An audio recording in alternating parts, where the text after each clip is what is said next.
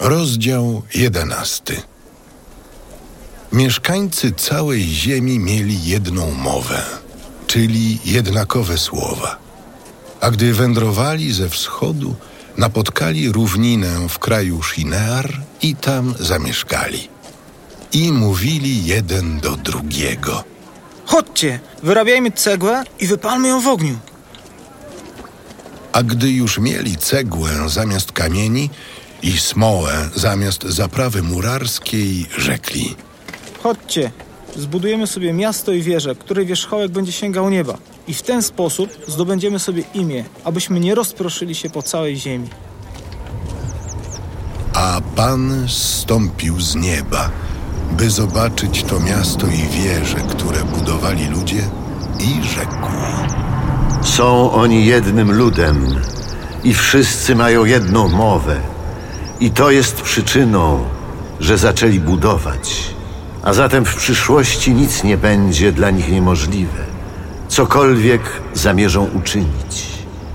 Zejdźmy więc i pomieszajmy tam ich język, aby jeden nie rozumiał drugiego.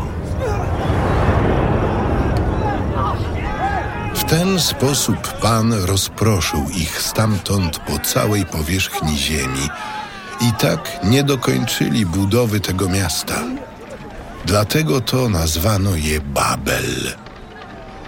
Tam bowiem Pan pomieszał mowę mieszkańców całej ziemi. Stamtąd też Pan rozproszył ich po całej powierzchni ziemi.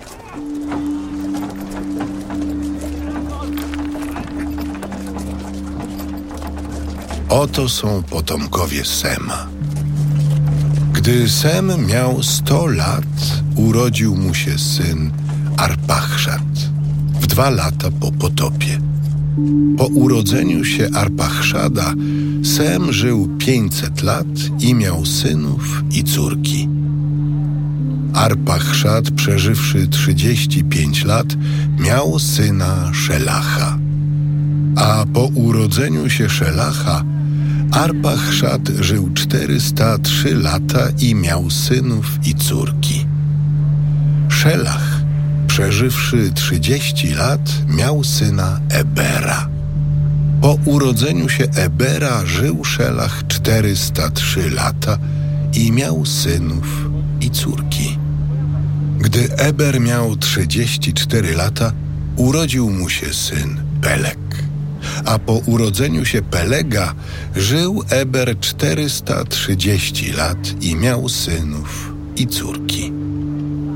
Gdy Peleg miał 30 lat, urodził mu się Reu, a po urodzeniu się Reu żył Peleg 209 lat i miał synów i córki.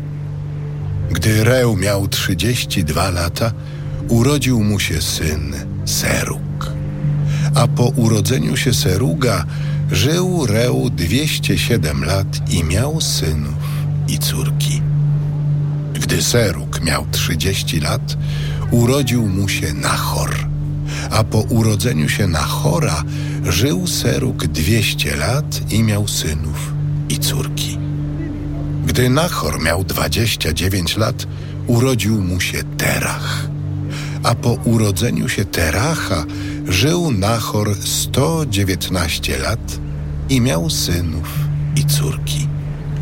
Gdy Terach miał 70 lat, urodzili mu się synowie Abram, Nachor i Haran. Oto dzieje potomków Teracha. Terach był ojcem Abrama, Nachora i Harana, a Haran był ojcem Lota.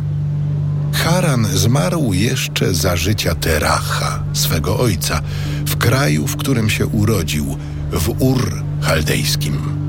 Abram i Nachor wzięli sobie żony. Imię żony Abrama było Saraj, imię zaś żony Nachora Milka.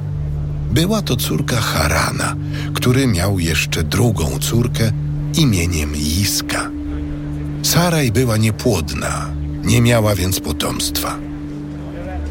Terach, wziąwszy z sobą swego syna Abrama, Lota, syna Harana, czyli swego wnuka, i Saraj, swą synową, żonę Abrama, wyruszył z nimi z Ur Chaldejskiego, aby się udać do kraju Kanaan. Gdy jednak przyszli do Haranu, osiedlili się tam. Terach doczekał dwustu i pięciu lat życia i zmarł w Haranie.